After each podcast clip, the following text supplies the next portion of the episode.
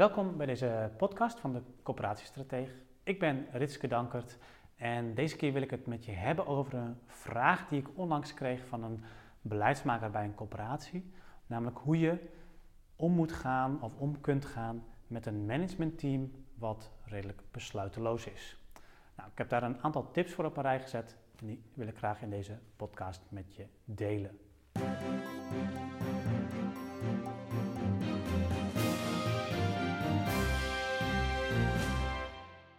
Een eerste tip is om besluiten die je wilt voorleggen aan het managementteam zo klein mogelijk te maken.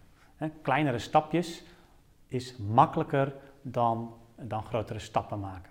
Je kunt beter, uh, als, je een, als je best wel groot beleidstuk hebt geschreven, dan kan het soms de moeite waard zijn om dat op te splitsen in drie kleinere stukken en dat één voor één in het managementteam te brengen. Um, kost je iets meer werk, maar nogmaals, het is voor mensen makkelijker om drie kleine stapjes te nemen dan om één hele grote. Dus dat kan helpen. Dat is een eerste tip. Een, een tweede tip, en die is misschien een beetje confronterend en ehm, ook voor mezelf eerlijk gezegd, is dat je als beleidsmaker en ook als extern adviseur, dat je uh, zelfs zelf soms ook wel eens uh, besluiteloos bent. met het idee van, ja, maar jullie, jullie zijn het uh, managementteam, jullie moeten de keuze maken. En ik lever alleen maar de argumenten aan. Nou, je mag die, best, je mag die rol die je voor jezelf uh, pakt best wat stretchen. En zelf al een, een, een, een, voorkeur daarin uitspreken. Of zelfs niet meer alle scenario's die er zijn aan het managementteam voorleggen, maar gewoon zeggen van oké, dit, is, dit is de route die ik wil bewandelen en uh, wil je daar ja tegen zeggen. dus dit is de keuze die ik aan jullie voorleg. Dit zijn de argumenten om daar ja tegen te zeggen. Uh, we hebben daar goed naar gekeken. Dit zijn de argumenten om ja te zeggen. Zeg alsjeblieft even ja. Nou, dus um, maak het in die zin ook makkelijk voor je managementteam om ja te kunnen zeggen tegen jouw voorstel. Um, en het helpt als je dan niet vier scenario's in je voorstel hebt, want ja, dan ontstaat daar natuurlijk discussie over. En ook niet als je alle voor's en tegens op een rij gaat zetten, terwijl je eigenlijk zelf als beleidsmaker al een voorkeur hebt. Zeg dan gewoon, dit is de keuze die wij op de beleidsafdeling of die ik als beleidsmaker gemaakt heb en dit zijn de argumenten om daarmee in te stemmen. De, de, derde tip die ik voor je heb, die heeft een beetje te maken met uh, hoe mensen uh, psychologisch gezien in elkaar zitten. Het is namelijk zo dat mensen zijn veel meer geneigd om in actie te komen als er een gevaar is of als er iets, uh, iets is wat, wat ze niet willen en wat ze dus willen voorkomen, dan dat ze geneigd zijn om in actie te komen voor iets wat, wat, wat, wat, wat leuk is, wat positief is, waar, wat ze kunnen najagen. Um, dus als jij uh, in je beleid hele aansprekende doelen hebt van nou, we kunnen dit bereiken en we kunnen zus bereiken en we kunnen zo bereiken, dan loont het misschien wel de moeite om eens te kijken of je niet ook een paar argumenten kunt verzinnen in de trend van als je dit beleid niet gaat volgen, wat ik nu uh, je heb voorgelegd, dan voldoen we bijvoorbeeld niet meer aan wetgeving. Of dan zullen de huurders ontevreden worden. Dat moet je natuurlijk wel kunnen onderbouwen. Maar dat zijn allemaal gevaren um, die je managementteam waarschijnlijk niet wil.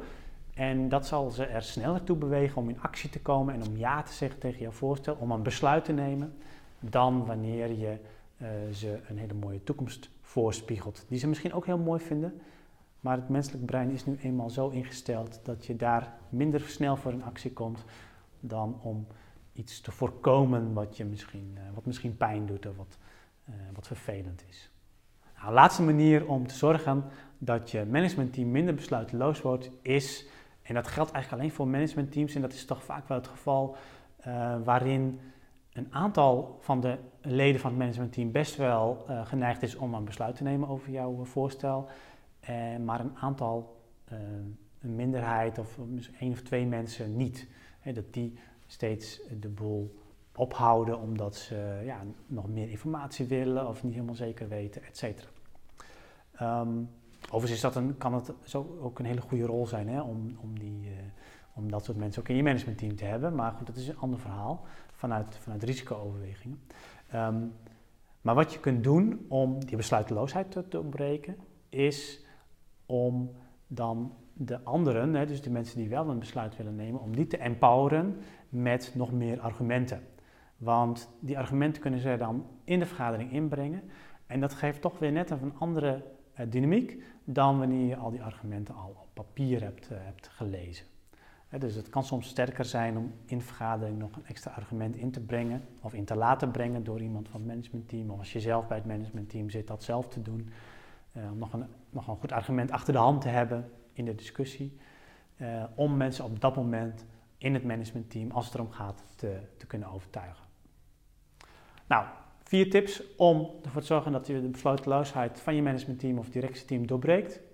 Ik hoop dat je daarmee uh, aan de slag kunt gaan en succes zult hebben om ook beleid, wat je natuurlijk uiteraard uh, goed hebt doordacht en wat uh, goed doorbrocht is, om dat ook sneller vervolgens te laten vaststellen, zodat je daar als coöperatie ook mee aan de slag kunt. Want in de praktijk is het gewoon zo dat een keuze is eigenlijk altijd beter dan geen keuze.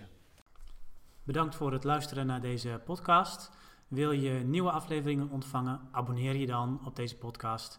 En kijk ook eens op onze website corporatiestratege.nl voor meer praktische tips en downloads die jouw werk als corporatiestratege makkelijker maken.